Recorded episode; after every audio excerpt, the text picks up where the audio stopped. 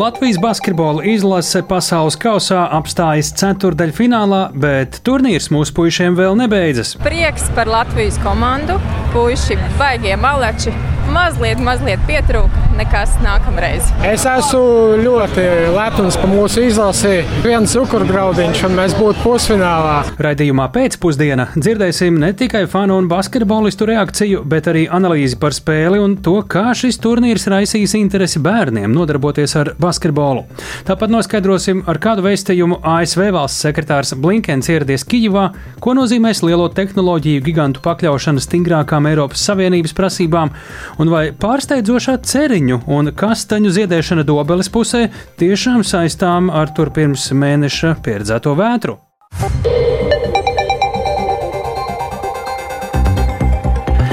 Ir 16,5 minūtes, skan Latvijas radio pēcpusdienas ziņu programma, skaidrojot šodienas svarīgus notikumus studijā Tāls Eipurs. Labdien! Viena metiena attālumā no pasaules spēcīgāko basketbola četrnieka. Tieši tā var teikt pēc Latvijas basketbola izlases spēles pret Vāciju. Latvija ļoti sīvā cīņā parādot arī raksturu.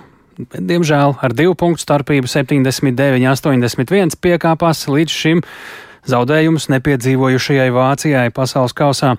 Spēles pēdējās sekundēs Dārzs Bērtāns vēl centās izmest sarežģītu tālmetienu, bet nesekmīgi. Nu, šobrīd mums studijā jau pēc šīs spēles pievienojas kolēģis Lotārs Zariņš. Sveiks, Lotār! Nu, pastāsti!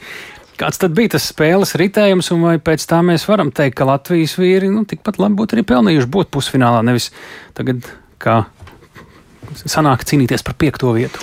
Jā, sveiks tālu un sveiks klausītāji. Nu, patriotiski noskaņu rezultātā noteikti var teikt, ka eh, būtu pelnījuši, bet eh, izjūt cauri spēlē, jā, tad latvieši iesāk gan veiksmīgi ar desmit punktu izrāvienu, bet eh, pirmo puslaiku noslēdz ar divu punktu deficītu. Ties gan trīs personīgās piezīmes pirmajās 20 minūtēs bija nopelnījis Rodions Kuruts, kamēr Dāvs Bērtāns realizējis 4 no 5 trīs punktu metieniem. Pēc pārtraukuma Latvija laukumā devās ar gana lielu jaudu, izvirzoties vadībā ar plus 4. Spēle bija līdzīga līdz noslēdzošajai ceturdaļai, kad vācieši sāka ar 8 punktu izrāvienu un latvieši, Latvija iedzinējos ar eh, mīnus 14. Eh, buksēja uzbrukums Latvijai, taču viss izšķīrās pēdējās sekundēs, kad Dārzs Bērtāns tomēr nespēja gūt 3 punktus no tālās distances un Latvijai zaudējums ar 79, 81. Noteikti jāuzteic, ka rezultatīvākais spēlētājs ar 24 punktiem bija Artūrs Žagars, kamēr 10 atlākšās bumbas savās Rodions Kuruts un 3 izlases spēlētāji Bērtāns Žagars un Andrejs Gražuls laukumā pavadīja vairāk nekā pusstundu. Nu jā, šeit jāsaka, ka, pastoties Vācijas statistiku, laikam Latvija ir tā komanda, pret kuru vācieši arī iemeta vismazāk no iepriekšējām spēlēm. Tas arī par kaut ko liecina, bet spēles pret Vāciju beigas vilpu visam noteikti bija tas pats rūgtākais moments vispār visā turnīrā līdz šim Latvijai, ko pēc spēles saka spēlētāji, treneri. Jā, liela vilšanās, bet tomēr jāturpina mūsu ceļš. Tā Luka Banka izteicās preses konferencē. Tomēr eh, treneris jutās lepns, ka ir starp eh, astoņām labākajām pasaules izlasēm. Eh, ceturtās ceturdaļas sākums bija sliktākais brīdis spēlē, kad Vācija iekrāja plus 14, bet domājams, ka vislabāk par šo trešdaļu mācēs pastāstīt Dāvis Bērtāns. Vispār kopumā pēdējo ceturdaļu atspēlēt tos ne mīnus 11, ko mēs jau kuru reizi izdarām pret uh, pasaules top komandām. Principā. Un, jā, tas prasa ļoti daudz enerģijas, ļoti daudz spēka, bet to var tikai izdarīt kopā kā komanda. Tas arī bija tas, ka mēs spēlējam kā komanda, viens otram palīdzam, nenokaram galvas. Jā, pēdējais metiens pat nevis iespējams, bet noteikti, ja viņš, viņš būtu iekritis, būtu lielākais metiens manā dzīvēm. Un tā Dāvis Bērtāns, nu, ko mēs eh, neesam tikuši pusfinālā šajā pasaules kausā. Tā bija vēsturiski iespēja, bet tāpat Latvijas izlase ir radījusi lielisku spēli un eh, turpina rakstīt vēsturi, cīnoties par piekto vietu pret ko kad mums ir jāspēlē. Jā, un spēle mazāk nekā pēc 24 stundām. Basketbolistiem nebūs diezgan ilgas iespējas atpūsties. Pretiniekos Latvijas izlases galvenā trenera Lukas Bankīta dzimtā valsts Itālija, un rītdienas pretinieks līdzīgi kā Latvija arī zaudējis tikai divas reizes turnīrā. Septiņās tikšanās reizēs līdz šim Latvija izcīnījusi divus uzvarus, un maču sākums tāpat kā šodien 11.45. Un šobrīd skaidrs, ka Latvija nav divu Eiropas stiprāko komandu vidū. Tas nozīmē automātiski kvalificēt kvalificēšanos Parīzes Olimpiskajām spēlēm. Līdz ar to šobrīd, līdz ar zaudējumu Vācijai, ir pilnīgi legāls jautājums, eh, kad ir olimpiskā kvalifikācija un uh, Ko mēs par to šobrīd zinām? Jā, nu, Omaskā kvalifikācija norisināsies nākamgad vasarā, un biļeti būs iespējams iegūt, nu, teikt, īsi pirms paša turnīra, no 2. līdz 7. jūlijam, un pašlaik atlikušas vairs tikai četras brīvas vietas. Latvija arī, starp citu, plānojot pieteikties Omaskās kvalifikācijas turnīram. Nu, turnīrā spēlēs tādas izlases kā Spānija, Itālija, Lietuva, un, protams, nu, spēlētāji būs pieejami, jo vasarā ir brīvbrīdis basketbolistiem. Cerēsim par ceļzīmi. Nu, spēcīgi vārdi pretī. Sakām paldies Lotāram Zariņam un paldies arī Latvijas basketbolistiem tik tālu, bet nu, mēs turpinām šo pašu stāstu, jo, nu, kā mēs to varētu raksturot, smagums, sāpes, bet arī prieks. Tā par Latvijas basketbola izlases zaudējumu ceturdaļfināla spēlē saka atbalstītāji, līdzjutēji, kuri Rīgas centrā esplanādē sakoja līdzi spēles tiešraidē, un ar viņiem aprunājās Viktors Demidovs. Prieks par Latvijas komandu. Puisi baigie maleči. Mazliet, mazliet pietrūka. Nekas nākamreiz. Es esmu ļoti lepns par mūsu izlasi. Viens cukurgraudiņš, un mēs būtu pusfinālā. Nu, beidīgi, protams. Tomēr uh, bija iespējas uzvarēt, uh, zaudējām daudz uh, punktu kļūdās.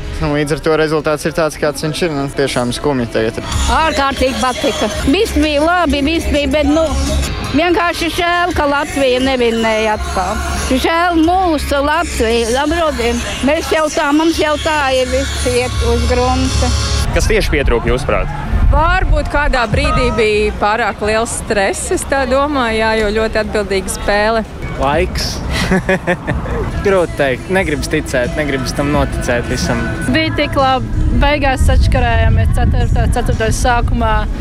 Tas deva tādu negatīvu ieskrējumu, bet savācāmies, savācāmies un beigās tomēr nekā. Nu, žēl. Šobrīd ir grūti, bet es domāju, mums ir jābūt reāliem. Tas ir diezgan daudz, ko šī izlase ir sasniegusi. Ne savā optimālā sastāvā, starp citu, bet ar komandas spēli, ar pašatdevi, ar, ar cīņu, ar kapiņu. Žēl, ka zaudējām, bet tepat laikā cepurinos ceļā. Cepurinos. Tā līdz te Rīgā, bet pēdējo nedēļu uzmanības centrā neapšaubāmi galvenais notikums ir Latvijas basketbolistu labā spēle pasaules kausā. Tas ekrāniem un līdz te pulkam ir piesaistījis ne tikai basketbolu lietpratējus, bet arī tos, kuri varbūt parasti par to neinteresējas vai interesējas mazāk. Kā tas var ietekmēt mūsu basketbola nākotni? Vai šīs uzvaras iedvesmo arī bērnus, jauniešus un arī viņu vecākus pievērsties šim sporta veidam? To, dodoties uz Bertānu Valmieras basketbola skolu, skaidroja mūsu vidzemes korespondente Gunta Matisone. Vidzemes Olimpiskajā centrā tobrīd tūlīt sāksies treniņš vienai no puišu grupām. Prieks visu atkal redzēt. Mums ir jauns arī komandas biedrs. Gustavs, jā, neapžojam, cienam, uzņemam komandā. Nodarbību vada treneris Roberts Liberts. Šī pēc vasaras ir pirmā nodarbība mums. Noilgojušies, noilgojušies pēc Tā basketbola. ir noilgojušies. Pirms sāksies nodarbība, aprunājos ar puišiem, vai tiek sekots līdzi lielajam basketbolam, un kādas ir jauno basketbolistu emocijas, vērojot spēles. Mēs ar mammu visbiežāk braucam uz Valmieru uz fanu zonu, un tur mēs ar draugiem skatāmies jā, pēdējās minūtes kat, pie katra punkta. Tur bļauj visi. Nu, es skatos uh, televizorā un arī bļauju. Nu, viņi labi spēlēja, meta daudz trīņus. Emocijas jau bija lielas. Tu vēl liels izaugs arī gribētu, tā kā, kā Bertāna spēlē. Jā, es gribētu. Jo viņi tiešām labi spēlē, un tad es gribētu arī. Tas sasniegums tiešām ir uh, lielisks, fenomenāls. Ļoti grūti valdīt, varētu teikt, uh, brīžiem pat asteras. Jā. Savas emocijas vērojot līdzinājās spēles, neslēpj arī bijušais Latvijas izlases spēlētājs un treneris, tagad Bertānu Valmijas basketbola skolas vadītājs Arnis Vecvagars. Dod tādu pacēlumu, un īpaši tā kā pats esmu saistīts ar basketbolu šo spēli, jā, protams, man ir uh, dubults prieks par to. Šī skola var teikt, ka ir Vidzemes reģiona basketbola centrs un viens no lielākajiem centriem arī Latvijā. Tajā ir ap 350 audzēkņu. Arnēs Vecvagars ieskicēja arī skolas pamatusdevumus. Primāri tas ir, protams, nodrošināt labus apstākļus par uh, labiem, uh, kvalitatīviem, izglītotiem treneriem. Jā, tas mums ir primārais. Tātad mēs dodam iespēju bērniem komfortablos apstākļos, labu speciālistu vadībā sportot. Kustēties, iemīlēt kustīgu dzīvesveidu. Turklāt, ja kāds no viņiem izaugs par labu vai lielisku basketbolistu, mēs tikai priecāsimies. Skolā būtiski ne tikai treniņi, bet arī tas, lai audzēkņi apgūtu kvalitatīvu izglītību. Viens, kas arī atšķir Bertānu Valmijas basketbola skolu no citām sporta skolām, kur apgūst šo sporta veidu, ir tas, ka skola ir saistīta ar brāļu Bertānu vārdu, un ne tikai vārdu, jo brāļi dod arī reāli ieguldījumu. Piemēram, vasarās tās ir brāļu Bertānu meistarklases basketbolā. Mūsu tas pluss ir šī ļoti ciešā sasaiste ar, ar mūsu šā brīža, var teikt, vienā no spilgtākajām Latvijas basketbola zvaigznēm. Viņi ir ļoti eh, ieinteresēti šīs skolas attīstībā, jā, paši piedalās šajā meistarklasē. Es domāju, ka katru gadu šis viņa klātbūtnes efekts būs arvien lielāks, jo nav noslēpums, ka viņiem jau arī jau ir pāri 30. Tā karjera vairs nav varbūt tās tur eh, mūžīga. Jā. Es domāju, ka mēs viņus redzēsim viņu iesaisti ar vien regulārāk un biežāk. Neliels ieskats, kā pēc šovasar notikušajām meistarklasēm brāļi Dāvis un Dairis Bertāni pamatoja, kāpēc tās ir vajadzīgas jaunajiem basketbolistiem un arī viņiem pašiem. Tas ir super svarīgi mums, ka mēs kaut kādā veidā varam Valmieras novadam, no kurienes mēs nākam, dot atpakaļ un censties palīdzēt jaunajiem basketbolistiem. Vēl klāt arī, protams, tā ir tāda iespēja viņiem nedaudz citā gaisotnē, piecas dienas vēl kopā ar mums pie viena arī tiem treniņiem. Mēs uh, mēģinām iesaistīties treniņos, būt ar viņiem kopā, nevis tikai stāvēt malā un skatīties. Ja, un tas, uh, no pieredzes sakot, tas ir tas, kas viņiem īstenībā visvairāk patīk. Taujāts par to, vai mūsu basketbolam būs perspektīva jaunā maiņa, Arnēs Vecvagars viennozīmīgi atbildīja jā. Bet, protams, ne jau vienmēr viss būs gludi un būs tikai uzvars. Taču šī brīža uzvars pasaules kausā nenoliedzami ir motivējošs jauniešiem. Latvijā vienmēr ir mīlējuši basketbolu un mīlēs, jā, un jaunieši, kā jūs redzat, nāk, trenējās, piesakās vienmēr pēc šādiem panākumiem, jā, lielākiem vai mazākiem. Ja kad parādās mums kāds augsts klases spēlētājs, kā brāļa Bartāna gadījumā vai Porziņa gadījumā, jā, uzreiz ir jūtams šī te tendence, kad bērni piesakās vairāk, ir šis intereses vilnis. Domāju, ka viņiem parādās sportā, dzīvē tāds mērķis, uz ko tiekties. Tas tikai pozitīvi. Droši vien, ka vajag tās ceļa zīmes, ja tās zvaigznes, ja kam sekot. Cik daudz uzsākt trenēties basketbolā, būs motivējuši uzvaras pasaules kausā to radīs laiks, jo uzņemšana skolā vēl turpinās. Gunta Matisona Latvijas Rādio vidzemē. Gan arī tikpat daudz kā par basketbolu, sociālajos medijos un sabiedrībā runā arī par energoresursu tarifiem, cik tie ir pamatoti, vai valstī būtu tajos jāiejaucas un kādu iespēju tie atstāja uz iedzīvotāju labklājību. Uz šiem un citiem jautājumiem šodien atbildes meklēja arī saimnes deputāti, kuri uz komisiju bija izsaukuši atbildīgās iestādes, lai diskutētu par iespējamiem risinājumiem. Diskusijā klausījās arī Paula Dēvica. Viņa pievienojusies mums šobrīd studijā. Sveiki, Paula! Kas tad bija tie galvenie temati, par ko šodien deputāti un atbildīgās iestādes sprieda? Sveiks, tāli! Labdien, arī Latvijas radio klausītāji! Jā, es precizēšu, ka diskusija šodien notiks Saimas ilgtspējas, ilgtspējīgās attīstības komisijā kopā ar vairāku saistīto iestāžu līdzdalību. Tad, tad sēdes sākumā tika vairāk kārt uzsvērts, ka šodien fokusēsies uz nevis tādu vainīgo meklēšanu, bet gan atbalstu sabiedrībai. Bet, protams, visilgāk un detalizētāk tika spriests tieši par šo te elektrības tarifa pamatotību. Un, kā mēs zinām, kā galveno iemeslu pamatā min šo vispārējo inflāciju. Tomēr pārliecināt visus sanākošos par to pieauguma pamatotību īsti te, teikšu, neizdevās. Lai arī regulators nav stājies pretī šim pieaugumam, bet regulators ir saņēmis par to arī pārmetumus. Un sēdi klausīties ieradusies bija arī saimnes deputāta Skaidrīta Ābrama no partijas progresīvie, kas ir arī bijusi konkurences padoms priekšsādātāja. Paklausīsimies, kas viņai sakāms. No ārpuses, protams, deputātiem un pat, man liekas, arī regulatoriem es nezinu, cik vienkārši saprotam to izvērtēt, bet, nu, ņemot vērā, ka es strādāju iestādē, kur mēs arī ļoti esam daudz vērtējuši izmaksu pamatotību. Un šeit tās izmaksas Latvijā reāli nevar ko salīdzināt, jo sadalījums tīkli nu, ir vienīgi. Un tāpēc es domāju, ka te būs ļoti interesants salīdzinājums Baltijas valstīs vai Baltijas valstīs, Lietuvā un Igaunijā. Tiek izmantota līdzīga metodika un kas tur tiek likts iekšā. Jā, Abram arī minēja, ka ja Lietuvā un Igaunijā tarifu metodika izrādīsies līdzīga, arī izmaksu pozīcijas un koeficienti sakritīs, tad vienīgais risinājums tiešām ir sniegt valsts atbalstu cilvēkiem, kuriem sadārdzinājums rada vislielākās grūtības. Nu jā, šādā spriešanā patiešām visai loģiski tad būtu salīdzināt arī datus ar pārējām Baltijas valstīm, vai tas arī parādījās kaut kādi skaitļu gali, vai varbūt jau pat plašāka informācija šajā sēdē? Tādu nelielu ieskatu situācijā kaimiņu valstīs mēs redzējām, lai arī kopējās izmaksas uz mājasaimniecību vidēji tā kā daudz neatšķīrās, tomēr uzreiz iezīmējās, ka nelielas atšķirības ir. Šur tur zemāk, šur tur vairāk, tomēr Latvijā sadalas tarifs ir vislielākais, to mēs redzējām uzreiz. Tiesa sēdē sanākušie vērs uzmanību, ka arī kaimiņos šos tarifus drīzumā pārskatīs. Līdz ar to korekti noteikti būtu salīdzināt tad, kad būs šie jaunie tarifi. Jā. Ņemot vērā, ka tarifi joprojām kopumā Latvijā daudziem šķiet augsti vai par augstu, kas šobrīd ir zināms par to, vai nākotnē tad maisainiecības varētu saņemt šo arī Ābrams kundzes pieminēto atbalstu? Uh -huh. Sākotnēji atgādināšu, ka aizsargātiem lietotājiem atbalsts jau šobrīd pastāv, un šādu lietotāju Latvijā šobrīd ir vairāk nekā 160 tūkstoši.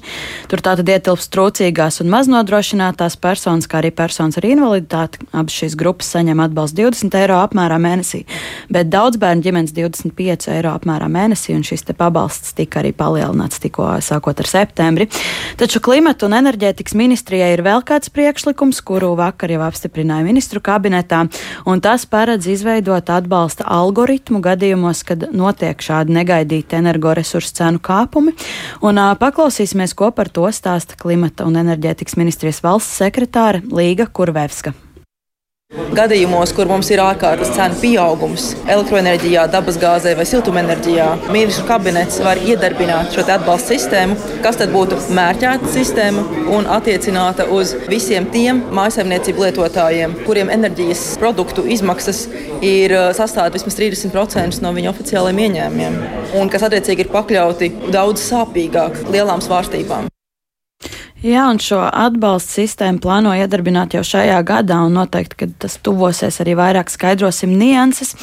Bet uh, deputāti un atbildīgās iestādes tātad darbu pie risinājumiem vēl turpinās. Piemēram, izskanēja aicinājums labklājības ministrijai izskatīt šo aizsargāto lietotāju loku, ka varbūt to varētu paplašināt. Tāpat deputāti lūdz sadalas tīklam izstrādāt tarifa grafiku tuvākajiem gadiem un iepazīstināt ar to iedzīvotājus, lai uh, iedzīvotāji varētu rēķināties ar konkrētām izmaksām izmaksām.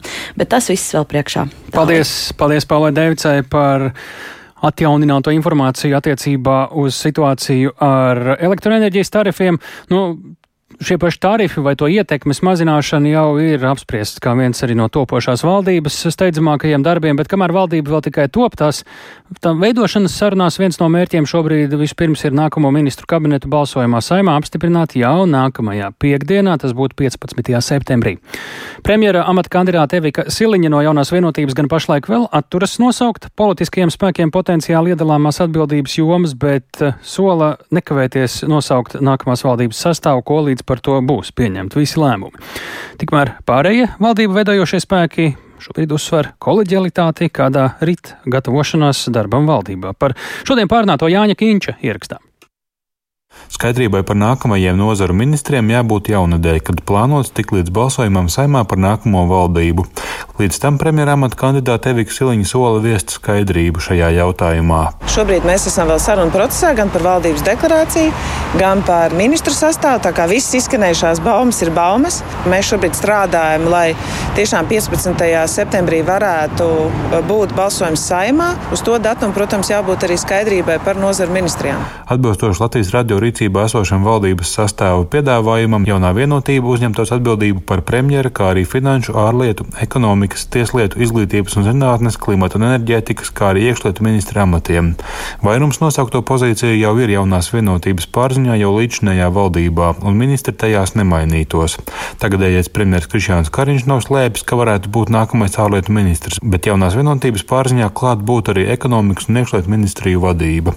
No Zaļo un Zemnieku savienības kā otrs lielākais lielākās frakcijas varētu izraudzīt nākamo saimas priekšsēdētāju. ZZS nenoliedz interesi uzņemties pilnvaras pirmkārt zemkopības ministrijā, kā arī vidas aizsardzības un reģionālās attīstības ministrijā, labklājības ministrijā, arī kultūras ministrijā. Komentējot pēdējo, ZZS viens no līderiem Augusts Brigmans kā būtiskus atzīst izaicinājumus saistībā ar sabiedrisko mediju apvienošanu. Savukārt progresīvie varētu būt atbildīgi par aizsardzības, veselības un satiksmes ministriju. Gan par kultūras, gan par satiksmes ministrijas vadību interesi ir gan ZZS, gan progresīvajiem.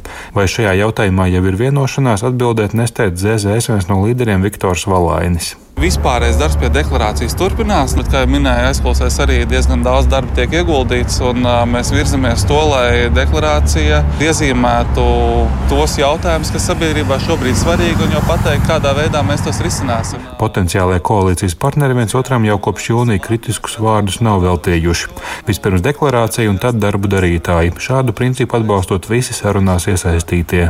Manuprāt, politikā es neatceros, kad būtu bijis šāds darbības princips brīdī, kad ir izveidojušās valdības aprises. Sarunās par valdības deklarāciju primārajie uzdevumi tuvākajiem mēnešiem ir nākamā gada valsts budžeta sagatavošana ar izaicinājumiem veselības, izglītības, drošības un citās jomās, kā arī risinājumi elektroenerģijas sadalījuma tarifu lēznākam kāpumam un jautājums par augstajiem kredītprocentiem bankās.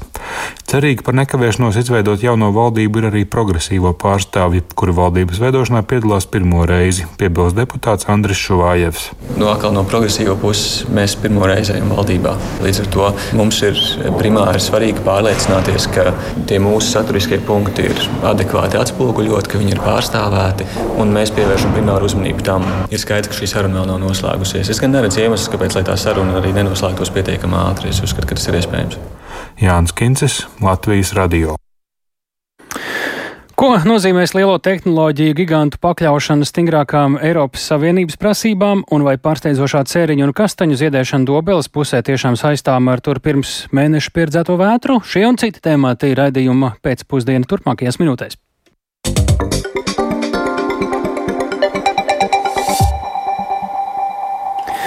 Šorīt Kijavā ieradies ASV valsts sekretārs Antonijs Blinkens, un vizītes laikā varētu tikt paziņots par vairāk nekā 1 miljārda dolāru vērtu palīdzību Ukrainai. Lai uzzinātu vairāk par augstās ASV amatpersonas vizīti Ukrainā, šobrīd esam tiešraidē sazinājušies ar Latvijas radio korespondentu Ukrainā Indru Sprānci. Labdien, Indra! Labdien, jā, šorīt uh, Kīvā divu dienu vizītē ieradies ASV valsts sekretārs Antonijs Blinkens, un šī ir trešā Blinkena vizīte Kīvā kopš vispārējā iebrukuma sākuma, un šodien viņš to atklāja ar Berkovecas kapsētas uh, apmeklējumu.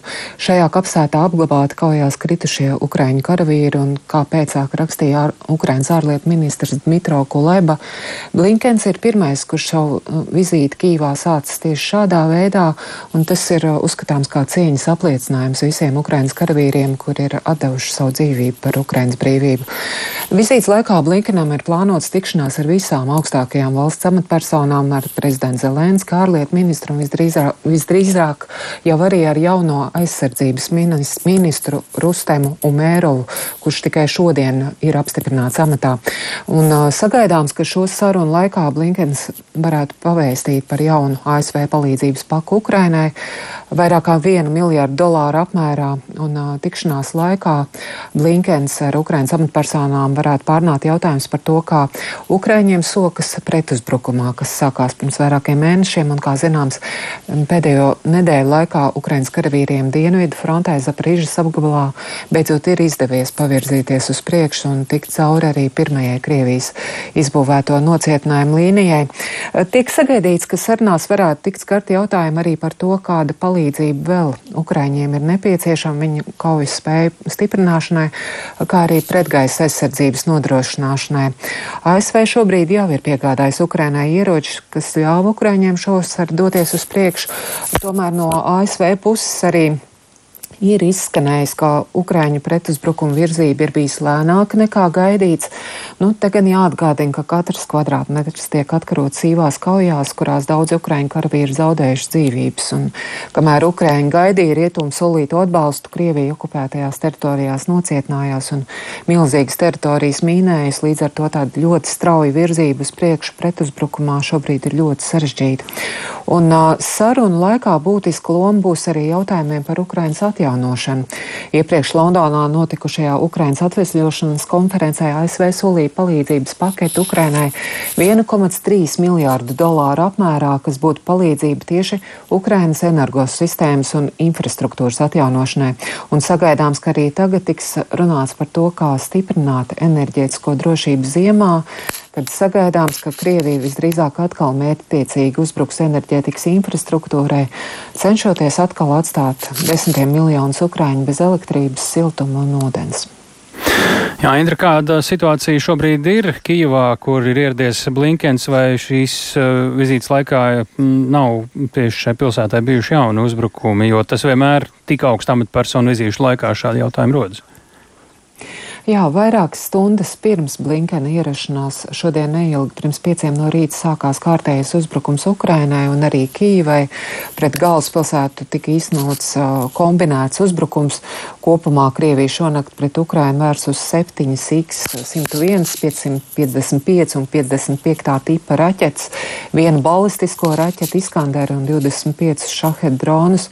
Un, uh, kopumā no 33 Krievijas raidītiem lādiņiem iznīcināti 23, bet uz Kijevu raidītās raķetes visas ir notriektas un pilsētā nav cilvēku upuru. Taču spēcīgi triecieni šodien dienas pirmajā pusē piedzīvojas Zaporīžja. Savukārt pēcpusdienā artilērijas apšaudē smagi cietas Donetskas apgabala pilsētiņas Konstantīņevkas tirgus. Tur šobrīd zināms par vismaz 16 nogalinātiem cilvēkiem, 44 ir ievainoti. Tas ir tas, kas uz šobrīd ir zināms. Nu, savukārt Kīvā kopš rīta gaisa trauksmes nav bijušas jauni uzbrukumi un ASV augstās amatpersonas vizīte Kīvā var turpināties mierīgos apstākļos. Sakām paldies Indrai Sprancei par jaunākajām ziņām no Kīģivas. Tur ieradies ASV valsts sekretārs Antonijs Blinkens, bet mēs turpinām raidījumu pēcpusdienu. Stingri ierobežojumi tehnoloģiju gigantiem darbam Eiropas Savienībā. Eiropas Savienība šodien ir iepazīstinājusi sabiedrību ar sarakstu ar tiem digitālajiem uzņēmumiem, uz kuriem šīs jaunās prasības attieksies.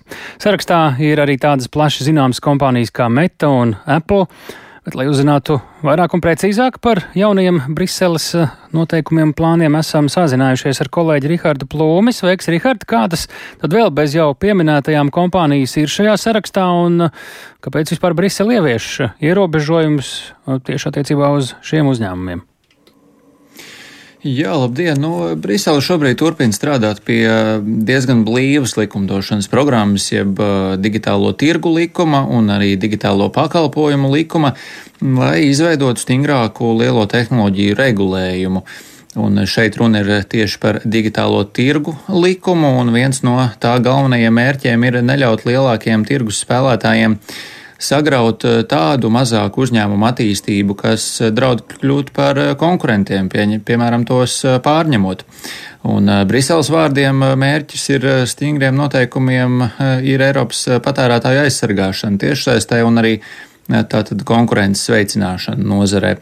Un šajā nozarē, kā mēs zinām, šobrīd dominē ASV tehnoloģija milži, un tādēļ arī nav pārsteigums, ka šajā Eiropas komisijas publicētajā sarakstā ir atrodams tādas kompānijas kā tevis pieminētā Apple, arī Facebook īpašniece eh, Meta, arī Google mātes uzņēmums, Alphabet, arī Amazon. Eh, sarakstā ir iekļauts arī Ķīnas uzņēmums, eh, TikTok īpaš, īpašnieks ByteDance.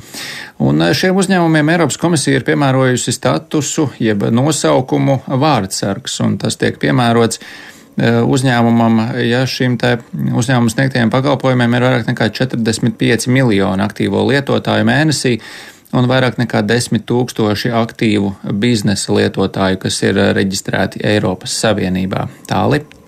Jā, kas tad ir tās stingrās prasības pret šīm kompānijām, un e, vai varam sagaidīt arī no to puses kādu pretestību? Nu, man nezinu, tiesu darbi nāk prātā vai kas līdzīgs.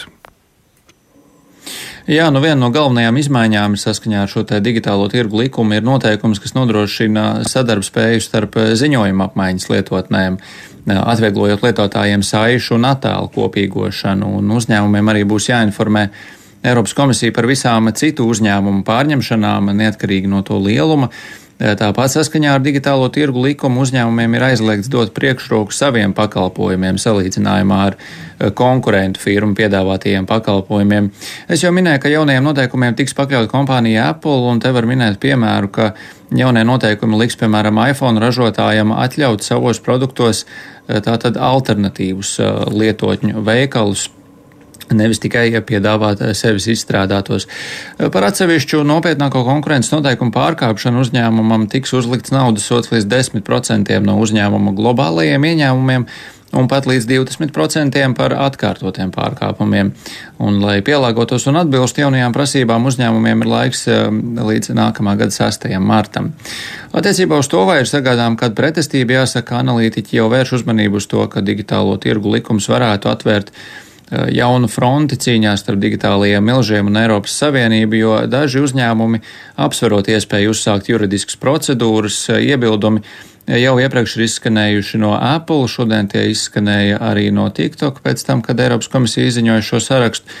Piemēram, iepriekš Amazon un Eiropas apģērba mazumtirgotājs Zalando ir jau iesniedzis Eiropas Savienības tiesās prasību saistībā saskaņā ar digitālo pakalpojumu likumu, kas ir Tā tad vēl viens šis likums, kas regulē tehnoloģiju gigantus, tad iespējams sagaidāms, ka tehnoloģija milži centīsies vērsties tiesā arī saistībā ar šo jauno vēl vienu likumu, kas tātad pastiprinās dažādas prasības tiem, lai tie varētu darboties arī Eiropas Savienībā. Tāli.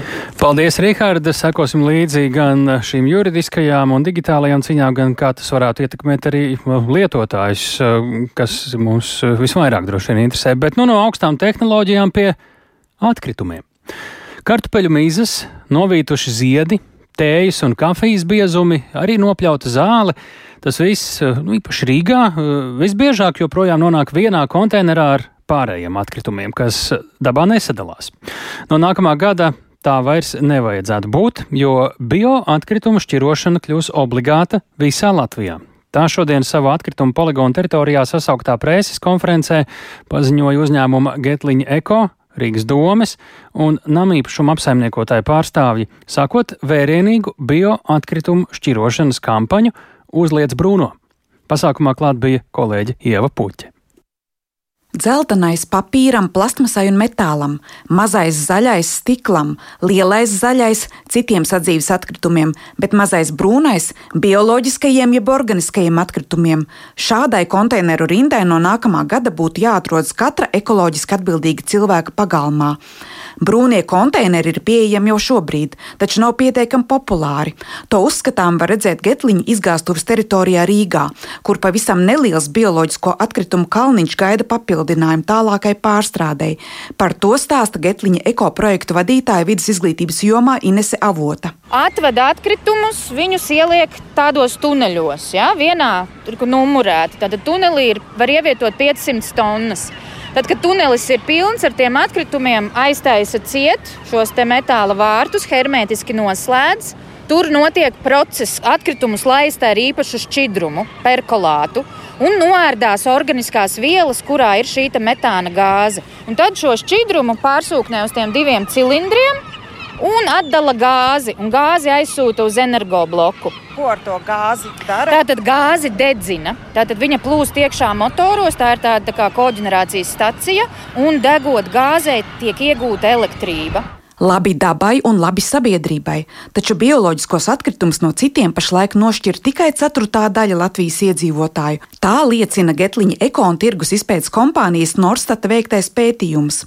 Apsaimniekošanas uzņēmuma Rīgas nama pārvaldnieks valdes priekšsēdētājs Māris Ozoliņš atklāja, kāpēc tas tā. Neredz vajadzību šķirot, nav tāda ne ekonomiskā pamatojuma, ne arī tāda nu, piespiedu kaut kādas pātagas. Tas ir viens, un otrs, nu, jā, nu, nav vienkārši iegājies tā, droši vien.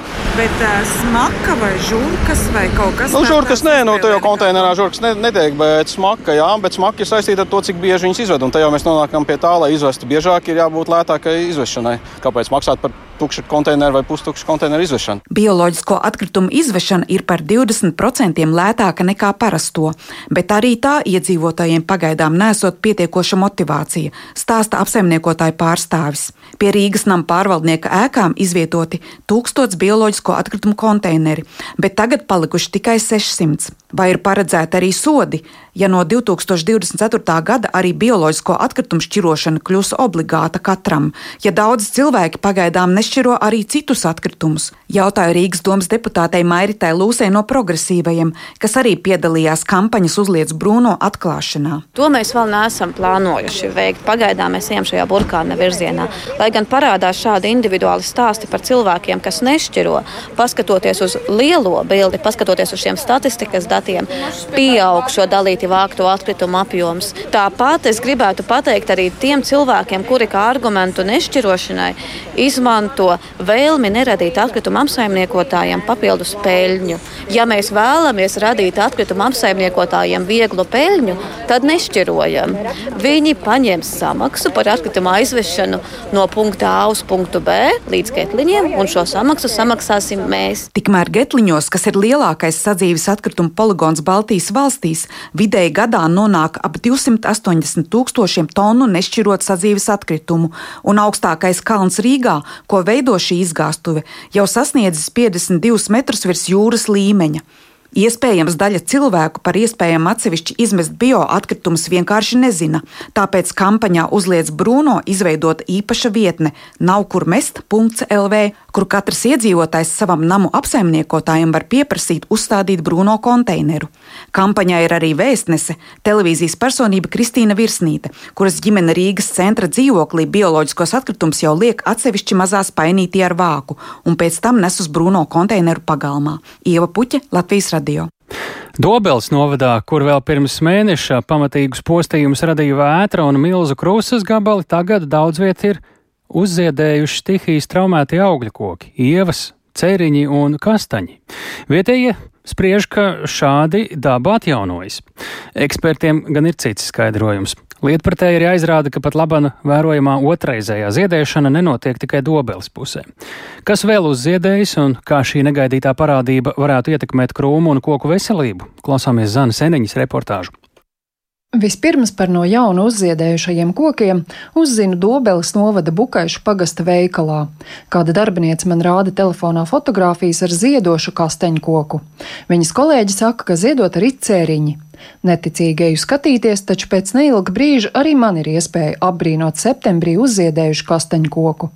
Dārzos man arī ziedošus augļu kokus, un to apliecina arī cilvēki, kuri sapulcējušies sanāksmē Augstkalnas pagastā. Jā, kaimiņu dārzā zied ķirši un zied ābels. Kā jūs to izskaidrojat? Nu, dabas sajūkus prātā.